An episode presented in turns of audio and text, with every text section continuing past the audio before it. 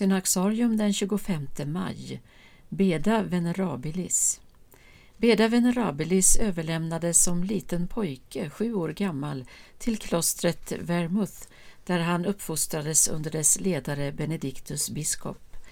Där kom han sedan att tillbringa hela livet, alltid skrivande, alltid bedjande, alltid läsande, alltid lärande, som det heter i hans eftermäle.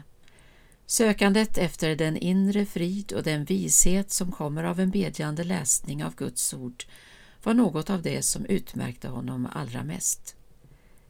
Beda ägnade sig åt ett grundligt studium av Bibeln och därefter åt noggranna historiska studier, något som gav honom hedersnamnet den engelska historiens fader.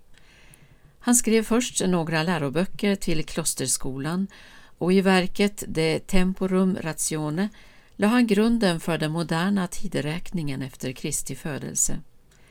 Hans rika författarskap omfattar en rad ämnen och kulminerade i ett stort kyrkohistoriskt verk som avslutades år 731.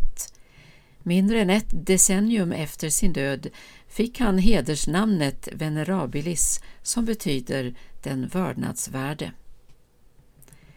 Trots att han aldrig reste längre än till York kom otaliga munkar i generationerna efter honom att betrakta Beda som sin andlige lärare och fader.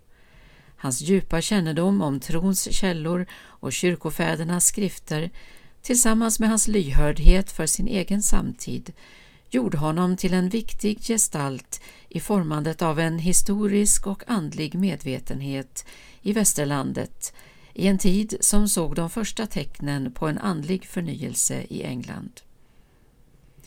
Den 25 maj 735 tog Beda sitt sista andetag, just efter att ha dikterat den avslutande meningen i sin översättning av Johannesevangeliet.